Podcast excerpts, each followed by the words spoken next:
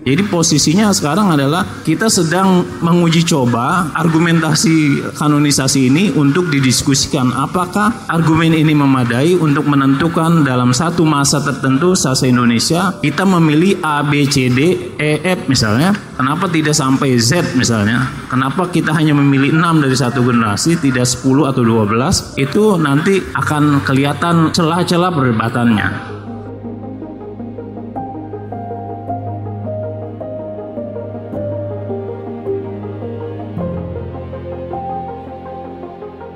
Tentu saja forum ini memang dimajukan atau di, diadakan untuk menguji daya apa?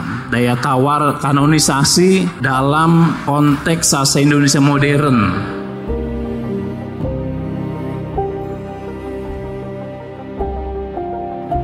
Dan spesifik spesial lagi ini untuk anak-anak sekolah daftar bacaan wajib anak-anak sekolah jika kita membaca itu dalam kurun tertentu apa yang terjadi dan seterusnya.